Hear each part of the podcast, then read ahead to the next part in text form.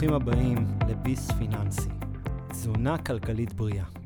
אני מעיין דוידי, ואחרי שדיברתי בפרק הראשון על אה, יוקר המחיה, על האינפלציה, על מיתון ועל המדיניות המוניטרית שבעזרתה ממתנים את האינפלציה וגורמים להורדת מחירים, ארצה לדבר על אה, נושא שנקרא הבורסה ושוק ההון.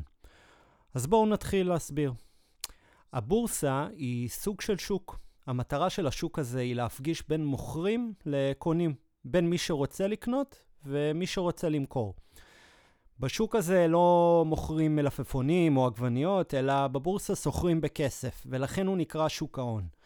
אה, מצד אחד יש אנשים שיש להם אה, כסף פנוי ורוצים לתת את הכסף הזה, מה שנקרא להשקיע, ומהצד השני יש כל מיני גופים, כמו חברות עסקיות או ממשלות, שמעוניינים אה, לקבל את הכסף הזה כדי לערוך השקעות משלהם או לממן הוצאות.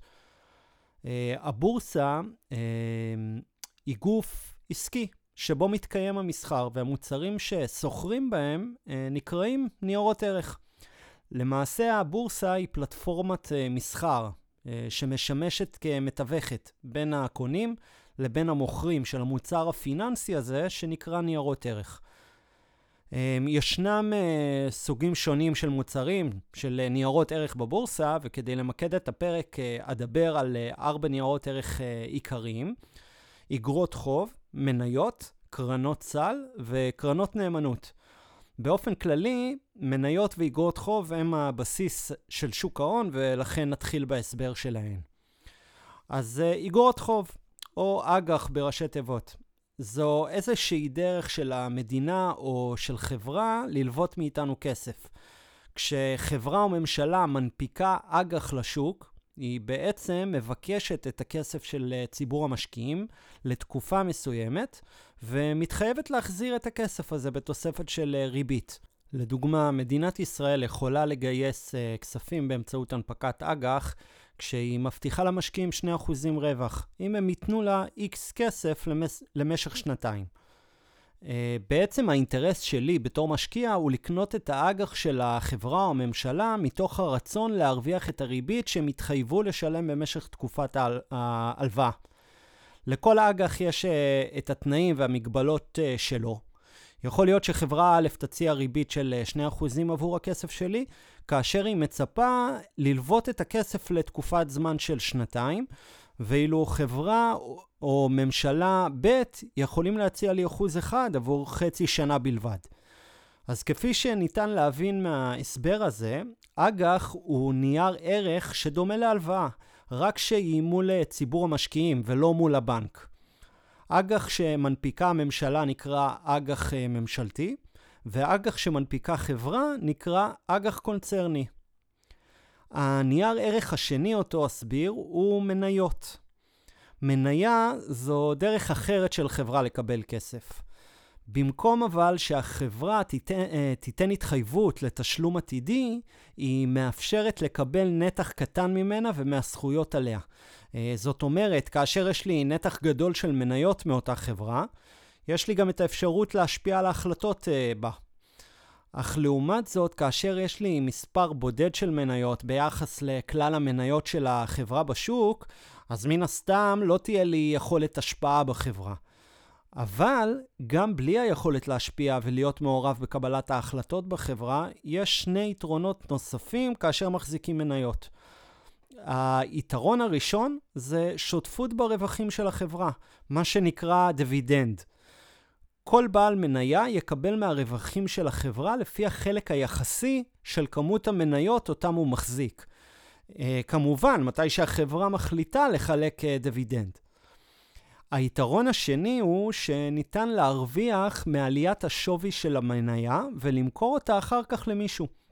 לדוגמה, אם uh, בעבר מניה של חברת טבע הייתה שווה, סתם אני זורק דוגמה, 2 שקלים למניה, ועם הזמן היא שווה כבר 5 שקלים למניה, uh, בעקבות uh, ביקושים או הצלחות של החברה, אז זאת אומרת שאני יכול להרוויח מהפער שהיה ממחיר הקנייה הנמוך, לעומת מחיר המכירה שהיום הוא גבוה. חשוב uh, להגיד שלא uh, כל חברה נסחרת בבורסה ובעלת מניות. לדוגמה, חברה של uh, חדרי בריחה כנראה לא יהיו לה מניות, מכיוון שהיא בבעלות של אדם פרטי, שלרוב יהיה היזם שהחליט להקים את העסק. אפילו חברה כמו אסטוק, שיש לה מספר סניפים בארץ, היא לא נסחרת בבורסה, למרות גודלה. מכיוון שהיא בבעלות פרטית, ואין כוונה כרגע למכור מניות לציבור. מנגד ישנן אה, חברות שהיה להן אה, יזם שהקים את החברה, ועם הזמן הן החליטו לגייס כסף מהציבור בתמורה להנפקת מניות בבורסה. זאת אומרת שהם ביקשו כסף, ובתמורה נתנו אחוזים מסוימים מהשליטה בחברה לבעלי המניות. חברות כמו מקס סטוק, ויקטורי, הום סנטר, קסטרו וכמעט כל חברה מוכרת. כאשר uh, חברה מחליטה להנפיק מניות בבורסה, היא הופכת להיות חברה ציבורית, מכיוון שמניותיה uh, נסחרות בבורסה, ובעל אחוז המניות הגבוה ביותר הוא בעל ההשפעה הגבוה ביותר בחברה. Uh, כאשר חברה הופכת להיות ציבורית, היא מחויבת להציג את הדוחות הכספיים שלה לציבור על מנת ליצור שקיפות. ולכן, באופן כללי, ניתן להגיד שהשקעות במניות נחשבות על פניו הרבה יותר מסוכנות מהשקעות באג"ח, מכיוון שהן יותר תנודתיות. Uh, הכוונה בתנודתיות היא שערך הכספי שלהן יכול בקלות לעלות ולרדת, כי בין השאר הן מושפעות מהתוצאות העסקיות של החברה לה שייכות המניות. Uh, ועל מנת להתגבר על התנודיות והסיכון שיש בהשקעת מניות, ישנו עיקרון מרכזי באסטרטגיית השקעה, שהוא פרק זמן ההשקעה. לצורך הדוגמה, אה, אם משקיע במניה של אה, חברת פייסבוק במשך שנה, יכול מאוד להיות שבמהלך השנה הזאת היא תחווה תנודתיות. יהיו רגעים שהמניה תהיה שווה הרבה, בעקבות אה, דוחות לדוגמה שמראים על מכירות רבות ומצב רווחי טוב של החברה. אך יכולים להיות פעמים שערך המניה ירד בעקבות מכירות נמוכות או אפילו החלטות עסקיות לא מוצלחות של החברה. כמו לצורך הדוגמה, החלטה לפתוח סניף של פייסבוק באיראן. ואז נוסף גם מרכיב פוליטי למשוואה, מכיוון שהמשמעות היא שמדובר על פתיחת סניף במדינה אסלאמית שאין בה דמוקרטיה. והחלטות אה, מהסוג הזה גם משפיעות על אה, רצון המשקיעים לקנות או למכור מניה, ובעקבות כך גם ערך המניה מושפע. לעומת זאת, אם משקיע לטווח ארוך יותר, כמו עשר שנים נגיד, בממוצע, ערך המניה יעלה במהלך השנים הללו, והתנודתיות הרגעית הזאת בתקופות לא טובות פחות ישפיעו לטווח הרחוק. ולכן עיקרון של פרק זמן ההשקעה במניות הוא מרכיב מרכזי באסטרטגיית ההשקעה, ויכול להפחית במעט את הסיכון שיש בהשקעות במניות. עם זאת, במידה והחליט אה, להשקיע באג"ח של ממשלת ארצות הברית, במקום אותה מניה של פייסבוק, ההשקעה תהיה הרבה יותר יציבה, מכיוון שהסיכון היחידי בהשקעה כזו הוא שהממשלה של ארצות הברית תיכנס לקשיים ולא תצליח לשלם את החובות שלה. וזה יכול לקרות בסבירות ממש ממש נמוכה, לכן אה, אג"ח תמיד יותר יציב ונחשב להשקעה סולידית מאשר מניות. אז על פניו, נשמע שהרבה יותר עדיף להשקיע באג"ח במקום מניה, נכון? אז זה לא בדיוק אה, נכון, כי ישנו מרכיב נוסף שצריך לקחת בחשבון, והוא התשואה. אה, תשואה בעצם משקפת באחוזים כמה אנחנו מרוויחים על הכסף שאנחנו משקיעים. לדוגמה, אם uh, השקענו 10 שקלים והרווחנו 10.5 שקלים, החישוב הוא 10.5 חלקי 10 מינוס 1 כפול 100, שזה שווה בעצם ל-5% תשואה. באופן כללי, ככל שההשקעה מסוכנת יותר, אז uh, ככל הנראה התשואה תהיה גבוהה יותר. ואילו השקעה סולידית ופחות מסוכנת, uh, יניבו לנו לרוב פחות תשואה. לצורך העניין, עכשיו בתקופה שבה יש uh, אי יציבות כלכלית עם האינפלציה ברחבי כל העולם, שוק המניות חווה חוסר יציבות והרבה תנודתיות, ולכן השקעה במניות נחשבת מסוכנת יותר כרגע. מכיוון שברגע שיש אה, משבר כלכלי, סביר להניח שהרבה חברות מושפעות מכך. לכן אה, משקיעים יעדיפו למכור את המניות שלהן במהירות, במחיר יחסית זול, כדי שהם לא יפסידו במידה והחברה תיקלע לקשיים כלכליים. וכתגובה לכך, המניות שלהן ירדו, הערך של מניה ירד, ומי שיישאר להחזיק את אותן מניות והחליט בסוף לא למכור, למעשה עשוי להפסיד, כי ערך המניה ירד. אך במצב אחר, אם uh, במקום לקנות uh, מניות נקנה אג"ח של ממשלת ארצות הברית, רוב הסיכויים שממשלת ארצות הברית לא תקרוס ועדיין תוכל לשלם לנו את התשואה שהבטיחה. אבל הקשר בין uh, סיכון לתשואה לא בא לידי ביטוי רק בין מניה לאג"ח, אלא גם בין מניה של חברה א' לבין מניה של חברה ב'. לדוגמה, מניה של חברה מבוססת ויציבה כמו בנק הפועלים, אה, שיהיה יותר בטוח כנראה להשקיע בו. אה, מאשר חברת תרופות קטנה וחדשה שרק אה, התחילה להיסחר בבורסה. אותו קשר בין סיכון לתשואה בא גם לידי ביטוי בין אג"ח לאג"ח. זאת אומרת שהרבה יותר בטוח יהיה להשקיע באג"ח של ארצות הברית, אשר אה, מייצג אה, ממשלה עמידה ויציבה סך הכל, לעומת השקעה באג"ח של אה, ונצואלה, אשר נמצאת במשבר כלכלי חמור מאוד.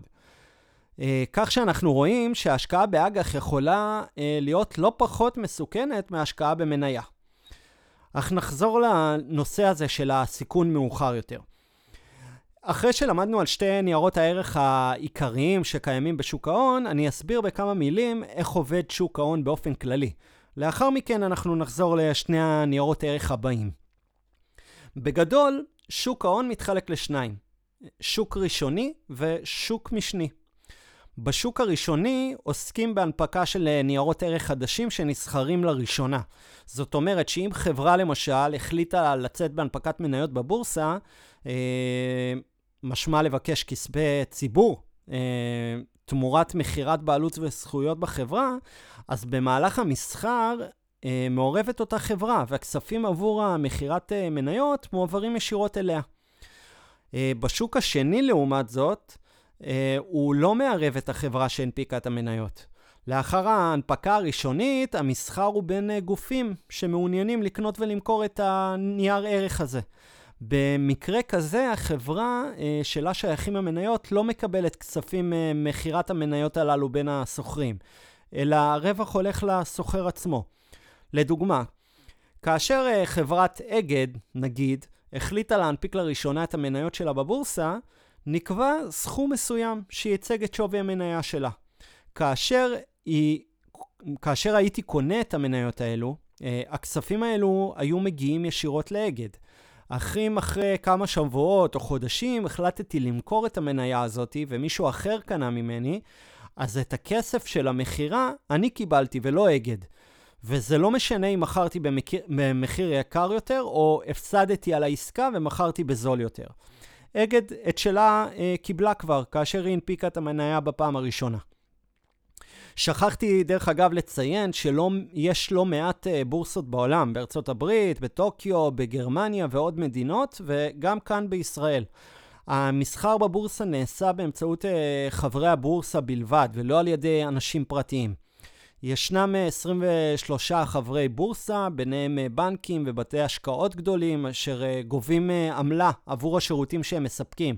זאת אומרת שאני, בתור בן אדם פרטי, יכול לבצע מסחר בבורסה רק דרך גוף שהוא חבר בורסה, ואני אצטרך לשלם לו עמלות על כל פעולה שאני עושה. בנוסף, על כל רווח שנוצר מהשקעת הכספים בניירות ערך, ישנו חיוב על פי חוק ב-25% מס. זה נקרא מס רווחי הון. אז זהו, זה בגדול על איך עובד שוק ההון. עכשיו אה, נחזור לניירות ערך.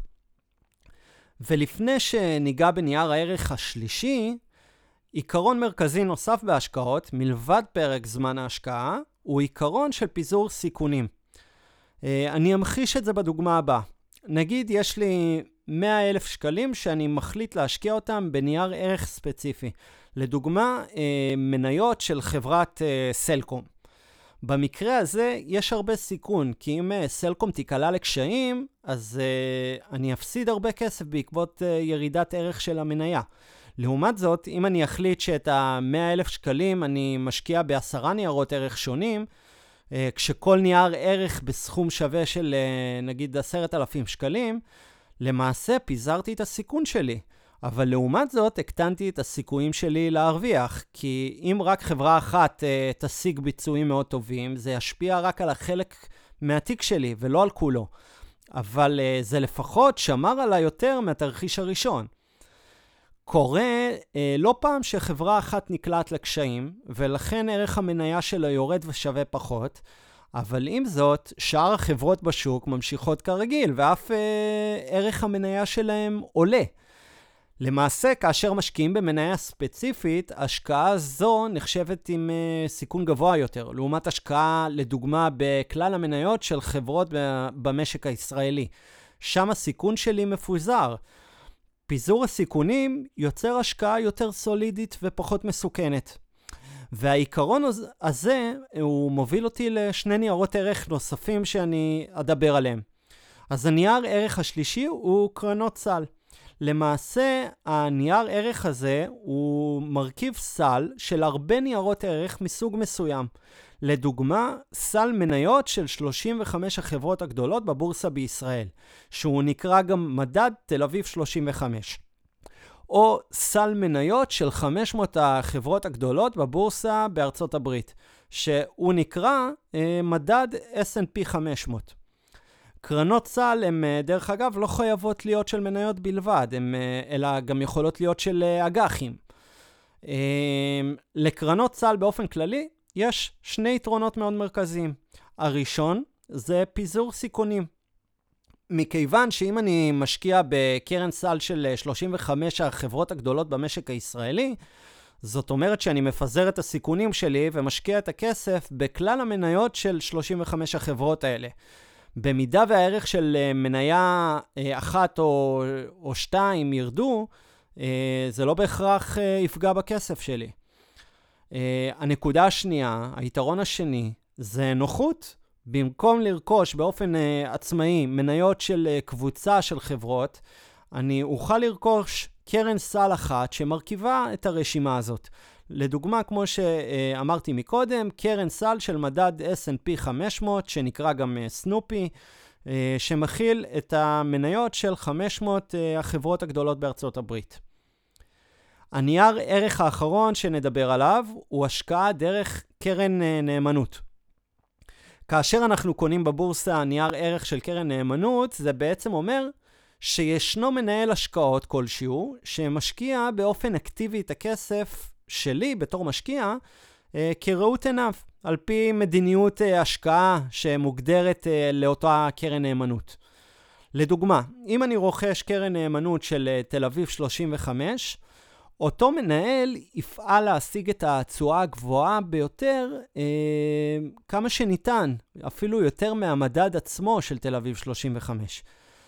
אה, בעצם הניהול אה, הוא יותר אקטיבי, לעומת ניהול אם הייתי רוכש, אה, אם הייתי רוכש קרן סל אה, של תל אביב 35, אה, שם הניהול הוא פסיבי. למעשה בקרן נאמנות, אני אמנם יודע שההשקעה תהיה ב-35 החברות הגדולות בישראל, אבל אני לא באמת יודע את תמהיל ההשקעה. יכול להיות שמנהל הקרן יחליט להשקיע בחברה א', פחות מאשר בחברה ב', ובעוד יומיים הוא יחליף את ההשקעה שעשה בחברה ב' ויקנה מניות של חברה ג'. למעשה, אם אני אפשט רגע, מדובר, כמו שאמרתי, בהשקעה מאוד דומה במהותה לקרן סל, רק שההשקעה כאן היא אקטיבית. זאת אומרת שההשקעה בחברות היא דינמית ויכולה להשתנות על פי ניתוח השוק שהמנהל השקעות עושה בכל יום. אה, אבל עדיין ההשקעות האלה מחויבות לעמוד במדיניות ההשקעה שהוגדרה לקרן. כדי להמחיש שוב את ההבדל הזה בין uh, קרן uh, סל לקרן נאמנות, אני אתן את הדוגמה הבאה. כאשר אני קונה קרן סל של uh, תל אביב 120, שמייצג את המניות של 120 החברות הגדולות בישראל, אז אני אדע בדיוק מה הרכב הסל שלי, מכיוון שמדובר על השקעה פסיבית, שלא תשתנה לאורך כל התקופה. אבל כשאני אקנה קרן נאמנות של תל אביב 120, אני יודע שההשקעה שלי תהיה במסגרת של 120 החברות הגדולות בישראל. אבל אני לא אדע את התמיל והרכב ההשקעה המדויק. אני לא אדע האם ההשקעה היא בכל 120 החברות או ב-80, ומתי ההשקעה תשתנה ומתי לא. ישנו בגדול יתרון וחיסרון להשקעה בקרן נאמנות. היתרון הוא שלמנהל הקרן אמורה להיות סוג של התמחות וידע מאוד רחב בניתוח השוק בגבולות גזרה של הקרן שהוא מנהל. ובאמצעות ההתמחות הזו, למעשה הוא מחליט באיזה חברות להשקיע ובאיזה תמיל. אבל החיסרון של הקרן נאמנ... נאמנות זה דמי ניהול גבוהים יחסית, מכיוון שיש מנהל קרן שעובד בזה ביום-יום. מה שעומד מאחורי הרעיון של uh, קרנות נאמנות הוא המחשבה שתאורטית ניהול אקטיבי מניב תוצאות טובות יותר. אבל uh, מנגד, אותם תומכים בהקרנות צה"ל טוענים שלא באמת ניתן לקבל תוצאות uh, טובות יותר, ולכן עדיף, והם מעדיפים, להשקיע במדדים עצמם, משמע בקרנות צה"ל. אז זהו, זה בגדול uh, ארבעת ניירות הערך העיקריים שרציתי לדבר עליהם. מניות, אג"ח, קרנות סל וקרן נאמנות. חשוב להגיד שהשווי של ניירות הערך יכול להשתנות מדי יום ואף אה, יכול להשתנות כמה פעמים ביום, וזה תלוי בביקוש ובהיצע שיש לאותו נייר ערך בהתאם למגוון אה, נושאים שהזכרתי מקודם, לדוגמה פרסום אה, דוחות כספיים של חברות, הודעות של הבנק המרכזי על עלייה או הורדת הריבית, נושאים פוליטיים, מלחמות ועוד כל מיני דברים. אני חושב שהיה פרק מעמיק ביותר שלא רק אה, לימד לגבי המוצרים השונים בשוק ההון, אלא גם אה, נגע בעקרונות חשובים בהשקעה בכלל. דיברנו על עיקרון פרק זמן ההשקעה ועיקרון של פיזור סיכונים, שאומר שלא כדאי להשקיע במניה ספציפית, אלא במדד, שדרך אגב זה נכון בכלל להשקעות. אה, שעדיף לפזר את הסיכונים שלנו ולא להשקיע רק במוצר אחד. Um, ישנם הרבה כאלו שחושבים, דרך אגב, שהבורסה הוא סוג של uh, קזינו. ואני חייב להגיד שגם אני בעבר חשבתי ככה, כשלא היה לי את הידע המתאים. אבל למעשה, אם uh, שומרים על העקרונות הללו בהשקעות בשוק ההון ובכלל, ניתן למזער מאוד את הסיכוי להפסיד כספים. למעשה, אם נלך לקזינו ונישאר שם uh, לאורך זמן, בטוח שנפסיד כסף. אבל אם נסחר בבורסה אה, לאורך זמן, אה, כמעט ובד... ובוודאות נרוויח כסף, מכיוון שהכלכלה תמיד בצמיחה והבורסה לאורך השנים במגמת עלייה. צריך רק לדעת להתנהל אה, נכון, לעבוד חכם, לעבוד לפי עקרונות ואסטרטגיות השקעה, שאולי נדבר עליהם בפרק אחר. אה, אז עד כאן לפרק זה. זה היה ביס פיננסי מושחת במיוחד. אתם uh, מוזמנים כמובן להצטרף לקהילת הפייסבוק החדשה שנקראת ביס פיננסי, שם תוכלו לעקוב, לשאול שאלות, להציע רעיונות לפרקים, וכמובן להגיב לפרקים שעלו. מוזמנים לעקוב גם uh, בעמוד האינסטגרם שמפורסם כאן בסוף הפרק. Uh, אני הייתי מעיין דוידי, ונתראה בביס הבא.